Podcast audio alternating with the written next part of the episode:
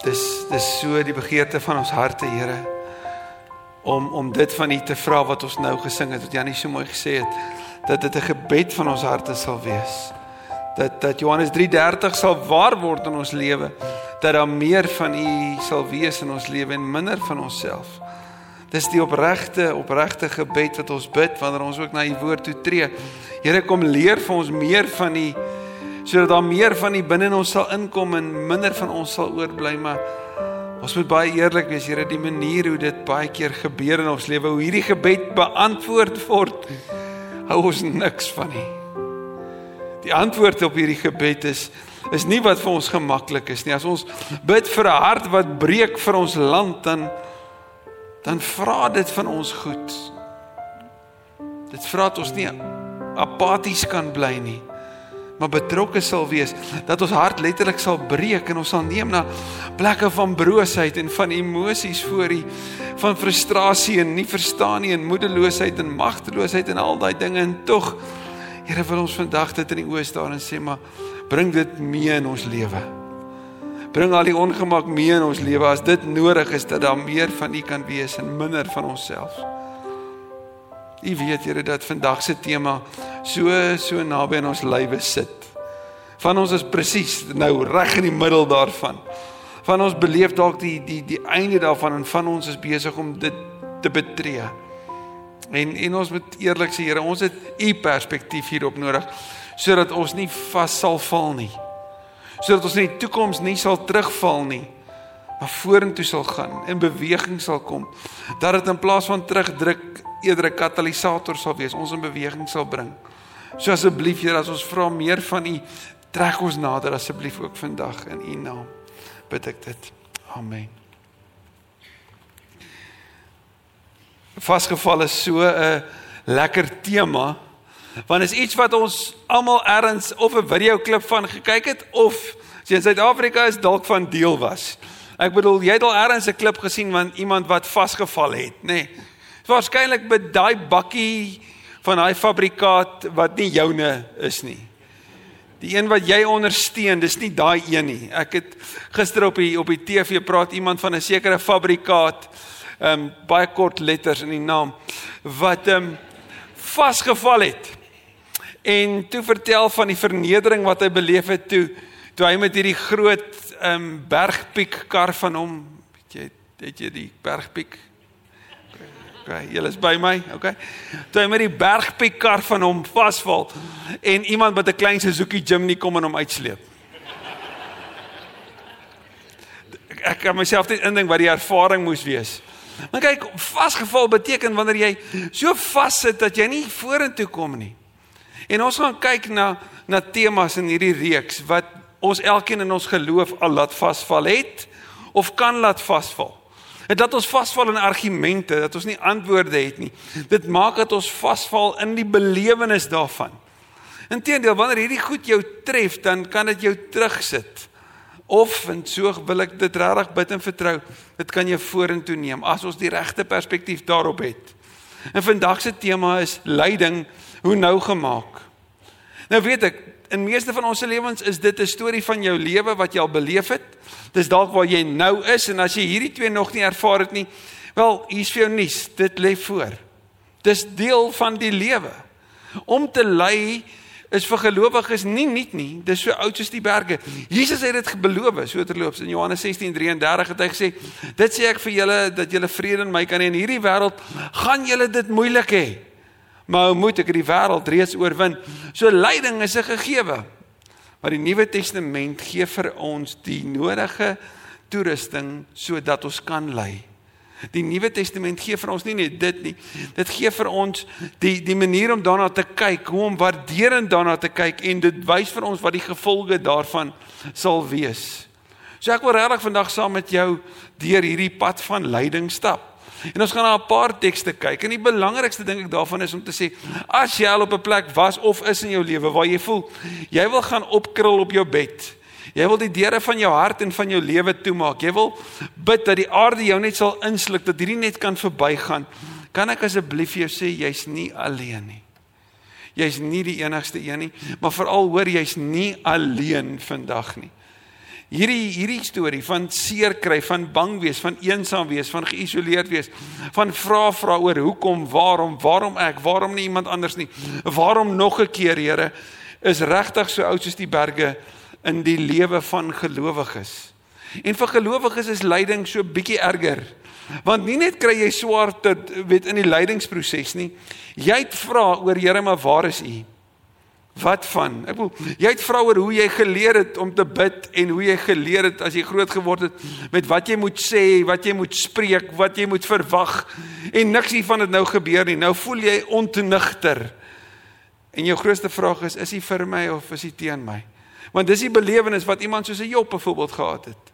So ons gaan vandag na 'n paar tekste in die Nuwe Testament kyk en ek wil regtig vir jou vra om om om dit te oorweeg om hierdie tekste wat ons vandag nou gaan kyk om in die week weer daarmee te gaan stap. Om hierdie gesprek voort te sit. En met iemand te gaan praat, veral as dit op die oomblik dalk vasgeval in jou lewe laat veroorsaak. Dat jy voel ek kan nie vorentoe beweeg nie.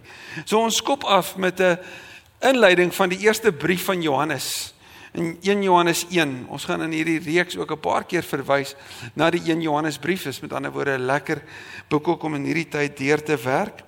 1 Johannes is 'n kommentaar op die evangelie van Johannes en dit som basies die die evangelie op met die hooftemas wat jy ook in die evangelie sal lees. So 1 Johannes 1, ons gaan die eerste 4 verse so in die begin na kyk. Van die begin af was hy daar, sê vers 1. Ons het hom self gehoor. Ons het hom met ons eie oë gesien. Ja, ons het hom gesien en met ons eie hande aan hom geraak. Hy is die woord, die lewe. Die lewe het gekom. Ons het hom gesien en is getuie daarvan. En ons verkondig aan julle die ewige lewe wat by die Vader was en aan ons geopenbaar is. aan hom wat ons gesien en gehoor het, verkondig ons aan julle sodat julle aan ons gemeenskap deel kan hê. En die gemeenskap waarin ons deel het, is die met die Vader en met sy seun Jesus Christus. Dit skryf ons sodat julle blydskap volkome kan wees. So vinnig vinnig in die begin die inleidende paar verse van hierdie eerste brief, vier groot waarhede wat jou en my reg in die begin kan help as ons nou in hierdie gesprek gaan betrokke wees vandag, nê? Nee? Um, om te verstaan. Die eerste ding wat 1 Johannes 1 vir ons kom sê is Jesus was van die begin af daar. Wel Johannes se proloog in die evangelie sê dit ook. In die begin was die woord en die woord was by God en die woord was self God. Hy was aan die begin by God elke ding wat bestaan, ja nie enkele ding wat bestaan, het sonder hom tot stand gekom nie. In hom was daar lewe en die lewe was die lig vir die mense. Die lig skyn in die duisternis, die duisternis kon dit nie uitdoof nie. Dit begin met hierdie ding van reg in die begin was Jesus daar. Verlede week het Fanie vir ons gesê dat die mooi God het 'n mooi skepping gemaak met mooi mense omdat hy 'n mooi plan gehad het. Hierdie mooi gedagte. En toe kom voeter ons alles op. In die Bybelskool doen ons hierdie week Genesis 3, die sondeval. Dis wat dit alles kom opvoeter en ons sien die effek daarvan. Maar die mooi God het nie opgehou nie. En hy het 'n mooi plan. En sy mooi plan is Jesus. En die tweede stuk wat 1 Johannes of wat Johan ja 1 Johannes 1 vir ons kom sê is een Jesus was van die begin af daar. So kan jy jouself indink wat sou gebeur het na die sondeval as God sy hande gevou het en gesê het, "Wel, dis nou mooi. Kyk wat dit julle nou veroorsaak." Pragtig, hoor. Sterkte. Cheers. Dis mos wat ons soms voel, nê? Nee? As iemand vir wie jy gesê het moet dit nie doen nie, dit dan doen en dan droog maak, wil jy half sê van is nou jou moeilikheid, kry vir jou. Maar God het dit nie gedoen nie. sien Jesus was sy plan van die begin af. En na die sondeval en na die gebrokenheid van die skepping, kom sê 1 Johannes 1 vir ons, het Jesus naby ons gekom die woorde wat 1 Johannes 1 gebruik en dis die tweede waarheid van 1 Johannes 1 is ons kom aan Jesus vat. Ons staan op die skouers van hulle wat daar was. Hulle wat dit fisies beleef het. Dit kom sê vir ons hierdie is histories bewysbaar. Jy kan dit glo met alles in jou. Dit het gebeur. Maar meer nog, die God van die heelal het deel kom word van 'n stikkende wêreld omdat sy hart vir 'n stikkende wêreld hom in beweging gebring het. Sien die Griekse woord splagnitzomai beteken as jou ingewande draai. As jy na iets kyk en so innig jammer kry dat jy dit hier binne voel. Maar God se splagnitzomai het hom nie passief gehou nie, hy het in beweging gebly en hy het nader aan ons gekom. Ons moet so pas op dat ons innerlike beweging ons passief hou. Want as ons Jesus gaan naboots, dan moet alle innerlike empatie, meegevoel, seer wat jy het, jou bene in beweging bring.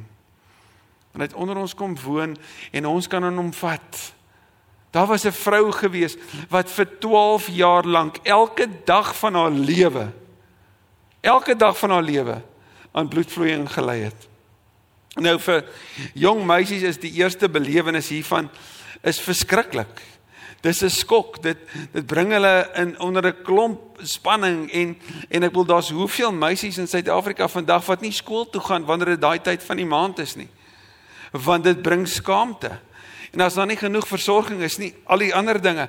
Stel jouself voor as jy vir 12 jaar lank dit beleef en die Joodse kultuur het so gewerk. As jy aan bloedvloeiing ly of as dit jou maandstond is, dan moet jy letterlik rondloop en sê onrein, onrein, onrein, onrein. Jy mag nie deel wees van die gemeenskap nie. Hoe sou sy geruik het na 12 jaar van bloedvloeiing? Hoe sou sy gelyk het?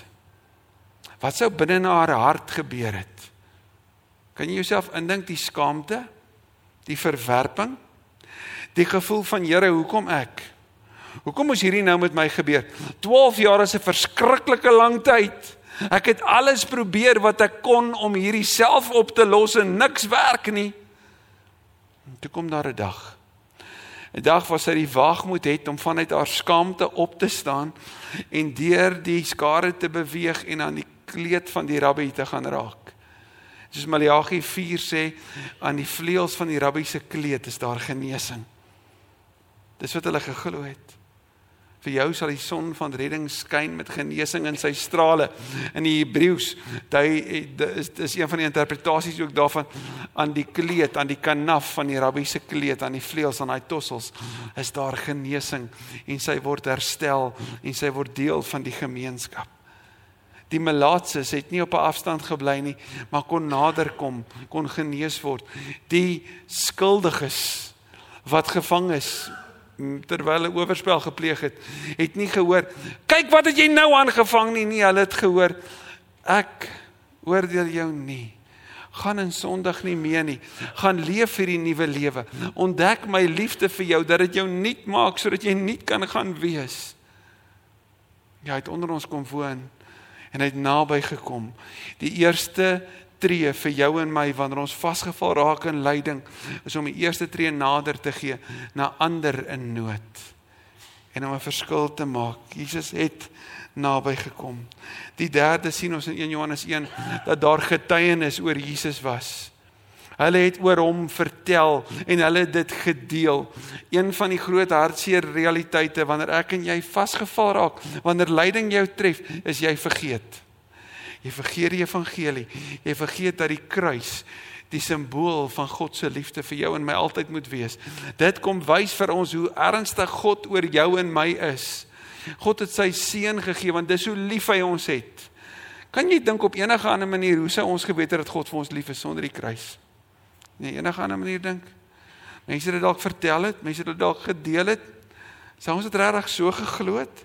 Sou ons besef het hoe bitter ernstig is God oor sonde? Hoe bitter ernstig is hy oor ons herstel? Dat hy alles kom gee het en namens ons ingetree het. Ons moet onthou om te onthou. Ons moet onthou dat hy wat die getuienis lewer, is die outeur van ons lewe en hy wat die outeur is van ons lewe, maak dat hierdie donker hoofstuk van jou lewe nie die som totaal van jou lewe is nie. En soms het ons nodig om net te weet dat hierdie is dalk 'n donker hoofstuk, maar die bladsy gaan omgeblaai word en daar's 'n nuwe hoofstuk wat wag. Hierdie is nie die einde nie. Die donker tyd wat jy beleef is nie permanent nie. Ook hierdie gaan verbygaan. Want die outeur skryf sy storie en die storie gaan oor sy eer. En Johannes 1 sê vir ons nie net as Jesus die outeur nie. Nie net is dit 'n getuienis van hom nie, maar Jesus het ook 'n gemeenskap. Daar staan dat hy het onder ons kom woon, hy het hierdie familie kom skep sodat ek en jy kan deel in die gemeenskap van die Vader en die Seun. En hier's die mooi in ons pad na genesing toe. Ons het nodig om nader te tree na die gemeenskap van gelowiges en nie op ons eie te wees soos party se gewoonte is nie. Dis vandag so, maar dit was in Hebreërs 10 ook so. Hebreërs 10 vers 24 en 25 sê ons moet na mekaar omsien deur mekaar aan te spoor tot liefde en goeie dade. Ons moet mekaar aanmoedig om na die samekomste van die gelowiges af weet toe te gaan en nie daarvan af wegbly soos party se gewoonte is nie. So Jesus kom skep 'n gemeenskap. Hy sê in Johannes 13 as ons mekaar liefhet, sal ander mense weet dat ons sy disippels is. So hierdie gemeenskap, God se familie wat ons verlede week ook gehoor het, moet die plek wees waar ander kan inkom en kan beleef. Hier word ek voor omgegee. Hier is genade en waarheid. Hier word ek versorg. Hier kan ek behoort en hier word ek gemobiliseer om uit te gaan en 'n verskil in hierdie wêreld te gaan maak dit op sigself is die basis om anders te kyk na lyding. Maar ons het dit so nodig. En wat kom sê die Nuwe Testament vir ons? En ons gaan na 'n paar praktiese tekste kyk. Ek wil graag saam met jou kyk na Romeine. Ons skop af met Romeine 5. Ons kyk daarna net 3 verse. Kyk wat sê Romeine 5. Vers 3 sê dis egter nie al nie. Ons verheug ons ook in die swaar kry want ons weet swaar kry kweek volharding. Volharding kweek egtheid van geloof. Egtheid van geloof kweek hoop en die hoop beskaam nie. 'n Paar kort verse met geweldige betekenis. Kyk mooi wat sê Paulus daarin. Eerste belangrike ding, hy die wat wat hier by ons in gasvryheid baie besig is, is baie lief vir vir met plante werk en hier's 'n klomp van ons hier wat deel daarin. Vir wie Saterdag jou hoogtepunt is om jou hande in die grond te kry, nê? Nou enige iemand wat werk met met met die kweek van plante weet dat daar moet iets wees wat jy gee sodat iets anders na vore kan kom. En kyk mooi wat se ritme gebruik Paulus. Swaar kry het 'n gevolg. Swaar kry bly nie op sy eie nie. Swaar kry het het het het 'n produk wat dit kan bring vir 'n gelowige. Daarom is hy bly daaroor. Hy sê vir 'n gelowige kan swaar kry bring dat jy leer om te volhard. En volharding sê Hebreërs daarin in hoofstuk 10 vir jou en my dat ons het volharding nodig vers 36 van Hebreërs 10 om die wil van God te doen. Kyk mooi, so swaar kry leer ons om vas te byt en vasbyt is wat ons nodig het om God se wil te doen. Want om God se wil te doen is nie 'n emosionele ek voel vandag so, môre voel ek nie so nie, vandag sal ek dit doen, môre gaan ek dit nie doen nie. Saak nie. As dit meer van nie en minder van myself is, het ek volharding nodig. Volharding beteken dat ek ook daai dae sal doen wat ek moet doen wanneer ek die minste lus is om dit te doen. Swaar kry ek volharding. Die tweede produk, volharding lei tot egtheid van geloof. Egtheid, die Griekse woord daar dui op suiwerheid, is om al die onsuiverhede uit te haal. sien ons geloof kan soveel oortollige goed in hê wat nie nodig is nie en wat sleg is vir my. Nê? Nee? Ek wou as jy nou mooi dink oor oor goed wat wat ek en jy mee groot geword het. Man, spreek net lewe, dan gaan alles oukei okay wees. Regtig. Man, bid net Psalm 91, dan alles gaan uitwerk. Regtig. Is nie so eenvoudig nie. En wanneer ek en jy ontslaa raak van al daai one-liners en al hoe meer terugkom by die diepte van die evangelie, dan word ons woorde minder, maar ons harte voller. Dan word dit eg en die onsuiverheid word weggesmelt. En ek en jy wanneer ons deur lyding gaan, lees die Bybel skielik op 'n ander manier. Jy ontdek nuwe waarhede want jy's gestroop van al daai maklike antwoordjies, daai vinnige goedjies om net te sê. Dan is die woordjie die Here het 'n blommetjie geplak ge, ge, ge, het gepluk want dit gaan nou beter werk daar. Dan dan is dit vir jou 'n bietjie goedkoop want want jy het die verlies beleef soos wat iemand wat baie naby aan ons is in die in die gemeente in die laaste week beleef het. Verlede week hierdie tyd kon sy nog haar man se hand vashou intussen is hy hemel toe. Om nou vir haar te gaan sê maar die Here het 'n blommetjie geplant, gepluk. Kan jy jouself indink wat moet dit vir haar sê van die Here? Nee, egtheid van geloof sê in my seer, in my nie verstaan nie, in my worsteling, in my Here as U hier was, sou dit so gewees het, maar toe dit nie gebeur nie. sal ek steeds aan U vashou. Dis eg. En dis die egtheid van geloof waarna ander sal luister. Nie wanneer daar 'n rooi strikkie om elke moeilike storie in jou lewe is nie, maar wanneer dit soms net morsig is. Want morsig is eg. En as jy in die gemors van jou lewe kan sê God is goed. En dit verander nie sal ander luister. Egtheid van geloof sê sê Paulus kweek hoop. En die hoop staan in Hebreërs 6 vers 19 is 'n anker wat ons het wat aan die kant die voorhang sal heen is. As die storm in jou lewe tref, beter jy weet hoe sterk jou anker is. En jy beter seker maak in wie jy geanker is. Sien, is nie voor die storm sodat ek en jy besef hoe belangrik 'n anker is nie. En wat is die anker sê Paulus? Hoop. 'n Hoop wat nie beskaam nie. Jy kan dit nie skaam maak nie. En weet jy wat gebeur wanneer lyding jou tref? Vir baie van ons bring lyding 'n klomp skaamte na vore. Jy voel skaam. Jy voel of of of jy nie met ander kan gaan praat nie. Jy het nie die vrymoedigheid om in die gemeenskap deel te neem nie. Jy onttrek. Die hoop waarvan Paulus praat is 'n hoop wat nie skaam is nie. It's shameless. Die Grieks dui op die woord put to shame, disgrace oor hierdie woord humiliate. Dis wat skaamte teweegbring, maar die hoop wat ons het te midde van swaar kry, sal dit nie doen nie want dit beskaam nie. Ons ken vir Petrus, nê? Petrus is nogal die man van die storm. En Petrus skryf in 1 Petrus, ek wil net vir jou daar 'n kort paar verse lees. 1 Petrus 1 die volgende en hoor wat hy sê. Skiesie, boekmerkies jong. Ai ai. 1 Petrus 1, hoor net mooi vers 6 en 7. Verheug julle hier daar, jy weet, um, hieroor. Selfs al is dit nodig dat julle 'n kort tydjie bedroef gemaak word deur allerlei beproewings sodat die egtheid van julle geloof getoets kan word. Julle geloof is baie kosbaarder as goud. Goud wat vergaan. Selfs die suiwerheid van goud word met vuur getoets en die egtheid van julle geloof, kyk mooi, moet ook getoets word sodat dit lof en heerlikheid en eer waardig mag wees by die wederkoms van ons Here Jesus Christus. Verheug julle hieroor. Die Griekse woord daar agaliao beteken extremely joyful. Nou julle ek moet eerlik sê ek het nog nooit iemand gesien wat deur lyding gaan en begin met haleluja. Woohoo! Nee. Hebreërs 12 sê dat wanneer daai moeilikheid jou tref, dan lyk dit nie oor iets om oor bly te wees nie. Dit lyk oor dat dit iets is om oor te huil, maar wat dit teweeg bring is is vrug en sterk arms en nie lam knieë nie wat die reguit pad kan loop, sê Hebreërs 12. Ek en jy het nodig om te weet dat dat wanneer hierdie moeilikheid kom, gaan dit intens wees, maar hoekom moet ons bly wees daaroor?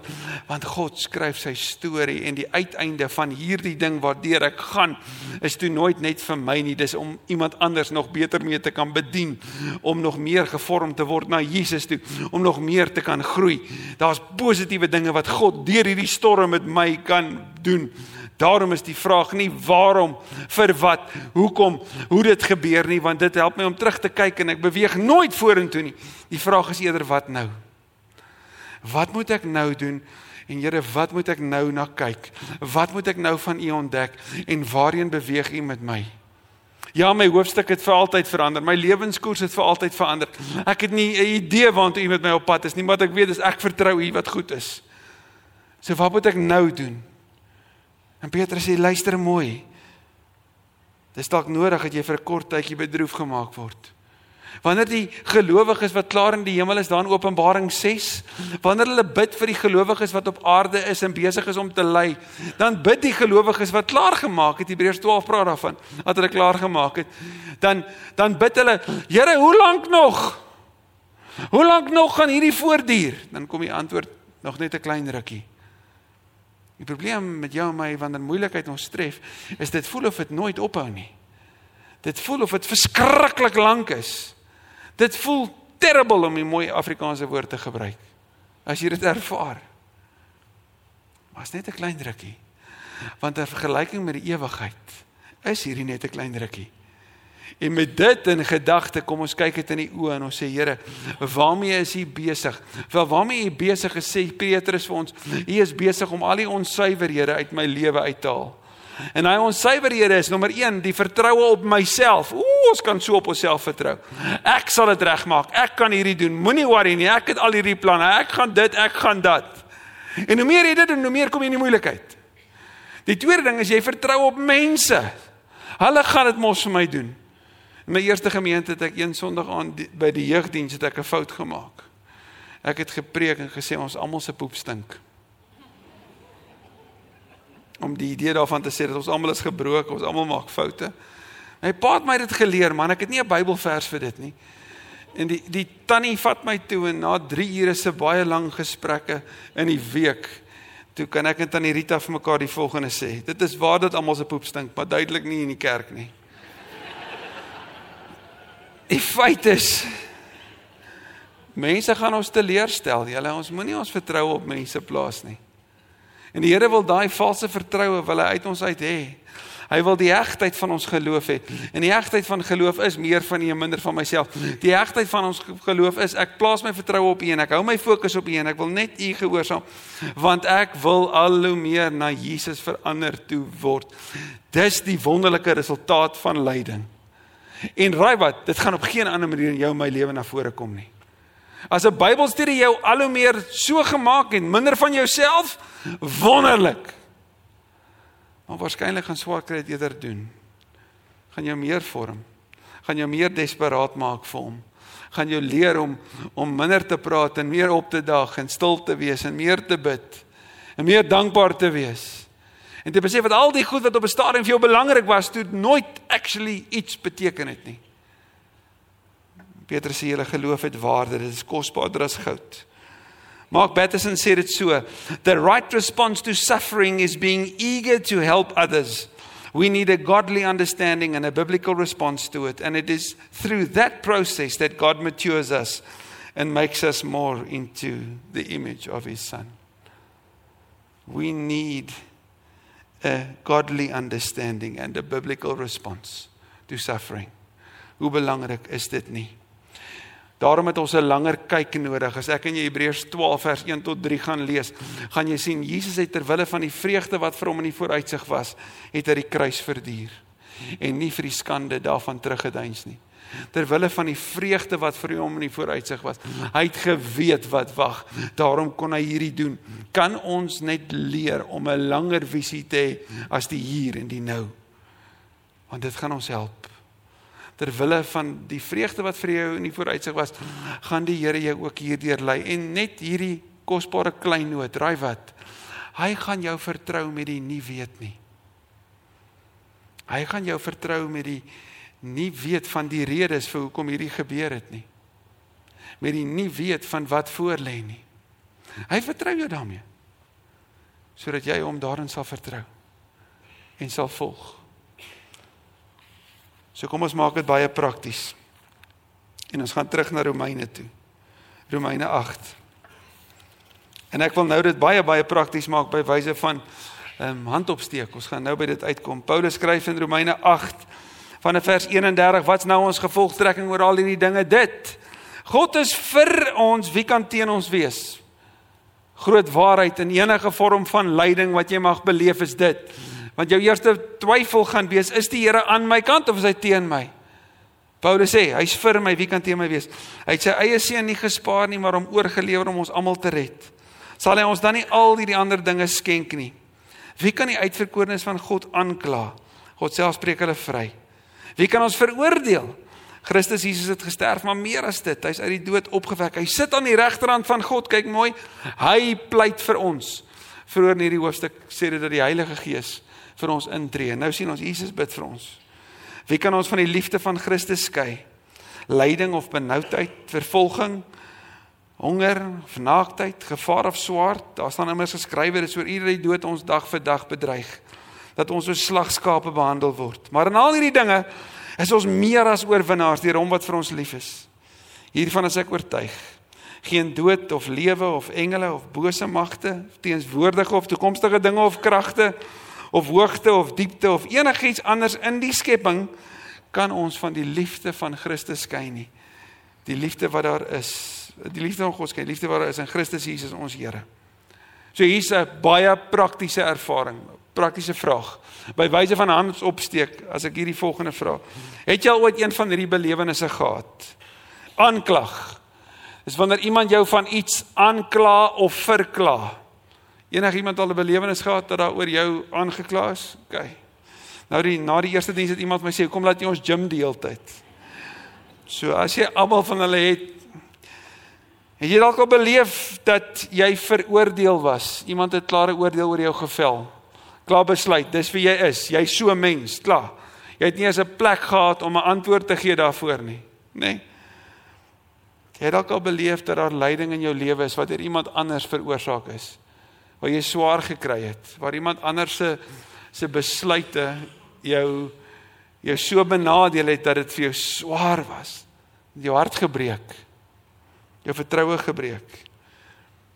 Het jy dalk 'n belewenis gehad waar iemand se optrede, se dreigemente, se valse beskuldigings benoudheid by jou veroorsaak het?